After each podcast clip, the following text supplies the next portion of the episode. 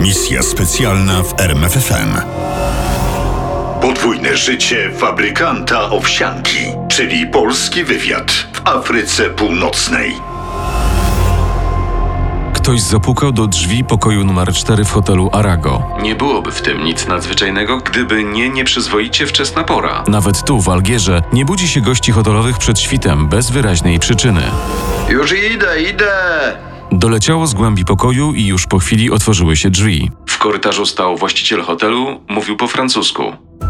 Bardzo przepraszam, ale na dole przy portierni czeka na pana dwóch policjantów. Taka wizyta nie wróżyła nic dobrego. Przeczucie mówiło mi, że zostanę aresztowany. I przeczucie go nie zawiodło. Następną noc spędził w areszcie. Długo nie mogłem usnąć.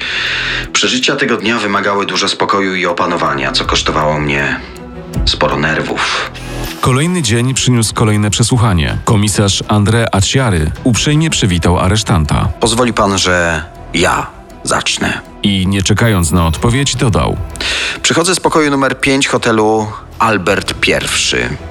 Co znaczyły te słowa? Po zdumionej minie Achariego można było poznać, że nie były mu obce. Ale to nie było wszystko, co aresztant miał do powiedzenia. Jestem szefem Alianckiej Służby Wywiadowczej w Afryce. Kim zatem był tajemniczy aresztant? Nazywał się Mieczysław Słowik, ale historia zapamiętała go pod zmodyfikowaną wersją nazwiska Słowikowski. Albo pod pseudonimem Rygor. 26 listopada 41 roku, czyli w dniu aresztowania, liczył sobie 45 lat i miał doświadczenie oficera oddziału drugiego i staż sekretarza konsulatu polskiego w Kijowie. I właśnie w Kijowie dowiedział się o niemieckim ataku na Polskę. Miasto było zaciemnione. Przygotowano obronę przeciwlotniczą. Wyglądało to tak, jakby spodziewano się niemieckiego ataku. Mimo obaw i prognoz wojna nie przyszła do Związku Radzieckiego, lecz z niego wyszła. W niedzielę 17 września Armia Czerwona zaatakowała Polskę, a personel konsultantów i ambasady został internowany. Dopiero miesiąc później, w połowie października, pozwolono im opuścić Rosję radziecką. Wyjechali do Finlandii, a potem przez Szwecję i Norwegię dotarli do Wielkiej Brytanii. Tam jednak nie zatrzymali się na długo, bo już na przełomie października i listopada pojawili się we Francji. Słowikowskiego przydzielono do drugiej dywizji strzelców pieszych. A w lutym 1940 roku przeniesiono do oddziału drugiego. Wrócił do pracy agenta wywiadu. Potrzebni byli znawcy spraw sowieckich w związku z zajęciem naszych kresów wschodnich i trwającą właśnie wojną sowiecko-fińską. Analizowaniem wojny w Finlandii Słowikowski zajmował się aż do wiosny 40 roku. W maju Niemcy uderzyli na Francję i trzeba było zwrócić uwagę w inną stronę. Nie na długo jednak, bo po miesiącu chaotycznej obrony Francja skapitulowała. W pułapce okupowanej Francji znalazły się tysiące żołnierzy polskich. W niedzielę 13 czerwca wcześnie rano obudził mnie telefon. Zostałem wyznaczony na komendanta jednej z grup ewakuacyjnych. Miałem się opiekować kilkunastoma oficerami z biura szyfrów. Wyjechali o czwartej po południu z dworca Montparnasse. Jechali w zatłoczonym pociągu trzy dni. Dwa tygodnie później Słowikowski był już zaangażowany w robotę wywiadowczą. Jako oficer dyplomowany pracujący w sztabie, wiedziałem, jak ważne jest dysponowanie informacjami o nieprzyjacielu. Ale wiedziałem również, jak trudne jest przeniknięcie na teren wroga. Wyobrażałem sobie, że najłatwiej byłoby to zrobić z krajów okupowanych, a więc z Francji, Belgii i Holandii. Zaczynali we trzech: Słowikowski, Zaremski i Czerniawski. Rygor, Tudor i Armand. Byli niczym trójka przyjaciół z książki Władysława Reymonta Ziemia obiecana. Zakładamy fabrykę. Ja nie mam nic, ty nie masz nic, a nie ma nic. To razem mamy tyle? Sam, Sam raz. raz tyle. Żeby, wybudować wielką fabrykę. Tak, tak jest. Nie mieli szyfrów, nie mieli ludzi i nie mieli pieniędzy, czyli trzech rzeczy, bez których nie może działać żaden wywiad na świecie. Nadajnik radiowy potrzebny do kontaktu z centralą w Londynie skonstruowali sami. A ponieważ przede wszystkim pomagali Polakom wyrwać się z Francji, wysłali do Londynu kuriera. Kurier szczęśliwie dotarł na Tamizę. Kiedy wrócił do Francji, przywiózł szyfry, obietnice współpracy z brytyjskim MI6 i doktora. czyli Tadeusza Jakiela, który pomógł zorganizować efektywną siatkę wywiadowczą. Pod koniec roku polski wywiad miał już we Francji cztery siatki szpiegowskie. Najbardziej znaną była placówka Interallié, kierowana przez Armanda, Romana Czerniawskiego. W połowie września 40 roku Słowikowski wysłał do Londynu meldunek sytuacyjny numer 1, w którym przedstawił blaski i cienie pracy wywiadowczej oraz organizację ewakuacji polskich żołnierzy do Anglii. W odpowiedzi dostał rozkaz organizacyjny. Szefem ekspozytury F, czyli wywiadu we Francji, został Tudor, czyli major Wincenty Zaremski. Rygor Słowikowski miał się skupić na ewakuacji. Od lipca 1940 roku do maja 1941 roku Słowikowskiemu i jego siatce współpracowników udało się ewakuować ponad 2,5 tysiąca żołnierzy. Zazwyczaj korzystano ze szlaków przez Pireneje. Jednak szybko okazało się, że oficjalnie neutralna Hiszpania wcale taka neutralna nie jest i Polacy trafiali do obozów internowania. Dlatego Słowikowski musiał poszukać innej drogi i ją znalazł. Tym razem trzeba było korzystać z portów południowej Francji, głównie Marsylii i szlaków morskich do Afryki Północnej. Tymczasem Afryka Północna pojawiła się w robocie wywiadowczej ekspozytury F z jeszcze jednego względu. Najpierw Armand informował o ćwiczeniach żołnierzy niemieckich na nadmorskich wydmach, co było o tyle ciekawe, że żołnierze mieli na sobie mundury tropikalne. Dlaczego? Ani Armand, ani Rygor, ani Tudor nie umieli odpowiedzieć na to pytanie. W końcu grudnia 40 uzyskaliśmy fantastyczną wiadomość. Niemcy gromadzą wojsko na południu Francji. W jakim celu?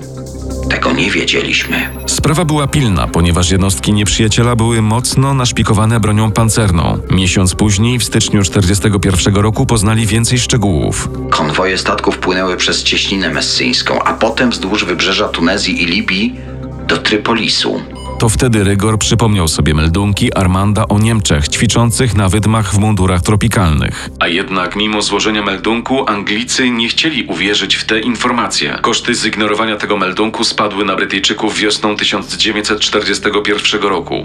Kiedy generał Erwin Rommel rozpoczął ofensywę i wypchnął dywizję Wavela z Libii do Egiptu. Ta lekcja niewiele nauczyła Brytyjczyków. Sceptycyzm wobec meldunków z Francji trwał nadal. Nie zaufano ostrzeżeniom przed niemieckimi miniaturowymi łodziami podwodnymi. Admiralicja brytyjska zdecydowała, że przy obecnym wówczas stanie techniki morskiej podobne operacje są niemożliwe. Kiedy ostrzeżenia okazały się prawdziwe, Londyn zalał ekspozyturę F ponaglającymi prośbami o więcej wiadomości na temat małych łodzi podwodnych. Zapomnieli, że wiadomości z grupy Top Secret nie zdobywa się z dnia na dzień. Cenili jednak informacje przekazywane z okupowanej Francji, choćby z tego względu, że sami nie mieli na tym terenie agentów spod szyldu MI6.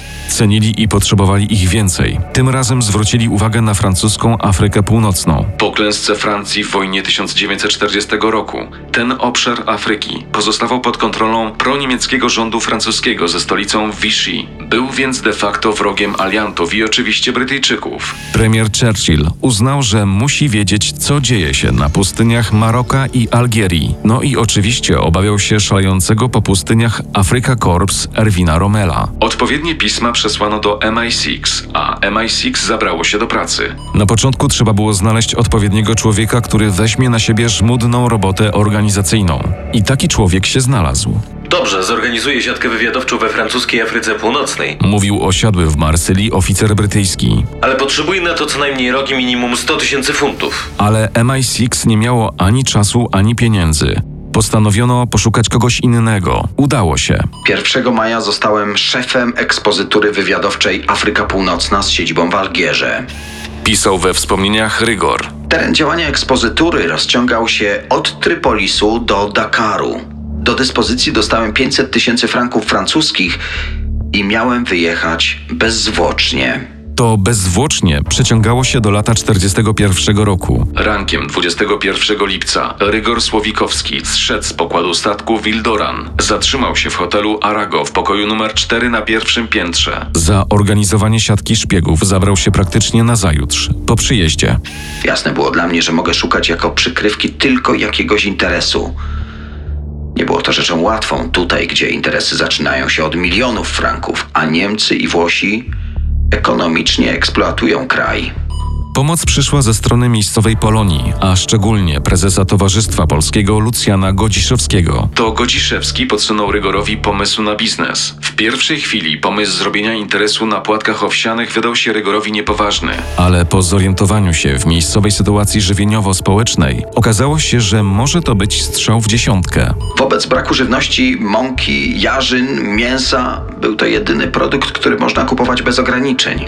Wysyłano go nawet do Francji i do obozów jenieckich w Niemczech. Nic więc dziwnego, że zbyt był ogromny, a zapotrzebowanie przerastało możliwości produkcyjne. Fabryka pod nazwą Flock Av Company powstała za sprawą przemyconych z Francji pieniędzy, a przedstawicielstwa handlowe zorganizowano w Oranie, Tunisie, Casablance i w Dakarze. Gdy zastanawiałem się nad sprawą przedstawicieli handlowych dla naszej spółki, przyszło mi na myśl, by uczynić nimi kierowników placówek wywiadowczych. W siatce Rygora Agencja Afryka pracowało 232 agentów. Głównie byli to Francuzi. Zupełnie nie orientowali się, dla kogo szpiegują. Natomiast stanowiska kierownicze powierzał rygor Polakom. Między innymi do Algieru przyjechali dwaj oficerowie polskiego wywiadu, jeszcze przed wojną zaangażowani w rozszyfrowanie Enigmy. Podpułkownik Guido Langer i major Maksymilian Ciężki. Organizację zbudowano na wzór piramidy. Rygor jako szef stał na szczycie i tylko on znał kierowników placówek. Taki system miał zminimalizować straty. W razie wsypy poszkodowana była tylko jedna nić olbrzymiej sieci. Reszta mogła działać bezpiecznie. Problem pojawił się, gdy kontrwywiad Vichy lub Gestapo wpadło na trop Rygora. A tak właśnie było owego poranka 26 listopada 1941 roku. Ujawniając się przed komisarzem Aciarim, Rygor ryzykował wiele. Nie podjąłby jednak tego ryzyka, gdyby nie podejrzenie podparte meldunkami zaufanych ludzi, że Aciari jest cichym przeciwnikiem proniemieckiego rządu Vichy i chętnie przyłączy się do konspiracji. Komisarz Aciari okazał się lojalny, zanim jeszcze oficjalnie włączył się w pracę wywiadu Rygora. Po załatwieniu formalności i pobieżnym przeszukaniu pokoju hotelowego numer 4, Słowikowski został zwolniony. Mógł pracować dalej. Status dobrze prosperującego przedsiębiorcy otworzył przed Słowikowskim salony Algieru i Casablanki. Słuchał plotek, interesował się intrygami, które jątrzyły społeczność miast i miasteczek. Jak trzeba było pytać, pytał. Tak tworzył mapę interesujących go celów, a potem dzielił między swoich szpiegów zadania i wysyłał ich w teren. Interesowało go wszystko. Ruch statków w portach, budowa lotnisk i rozbudowa fortyfikacji na plażach. Morale żołnierzy francuskich, aktywność gestapo. Z pracy siatki szpiegowskiej Agencja Afryka najwięcej korzystali Brytyjczycy, ale od schyłku 1941 roku raporty Rygora odbierano również w Waszyngtonie. Amerykański wywiad OSS był w tym czasie świeżym graczem na bezwzględnej arenie międzynarodowych intryg. Dlatego ograniczył się do korzystania z sojuszniczej uprzejmości Brytyjczyków i Polaków i uczył się od nich wywiadowczego fachu. W tym kontekście nie może dziwić fakt, że to Rygor Słowikowski i jego oficerowie tłumaczyli kolegom za oceanu, jakie są mocne i słabe strony francuskiej Afryki Północnej. W lipcu 1942 roku Rygor spotkał się z pułkownikiem Robertem Solborgiem z OSS. Urodziłem się w Warszawie. Moja matka była Polką. Zaczął Solborg, nie znał jednak polskiego i z Rygorem rozmawiał po francusku. Trzeba uderzyć Hitlera w jego słaby punkt. A słabym punktem Führera są Włochy. Ale jak to zrobić? Alianci powinni zająć Afrykę Północną, potem przeskoczyć na Sycylię i do Włoch. Czy widzi pan możliwości zajęcia Afryki Północnej? Tak, przesłałem do Londynu dokładne dane o sile i jakości moralnej armii francuskiej. Są to ludzie na ogół przeciwni rządowi Vichy, a tym bardziej Hitlerowi. Nie ufają również Brytyjczykom. No właśnie.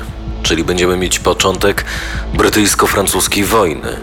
Zapewne, ale ja chciałem zaproponować coś innego. Jeśli to wy, Amerykanie, wylądujecie w Afryce, to według mnie opór Francuzów będzie symboliczny i w ciągu doby cała Afryka Północna może zostać zajęta.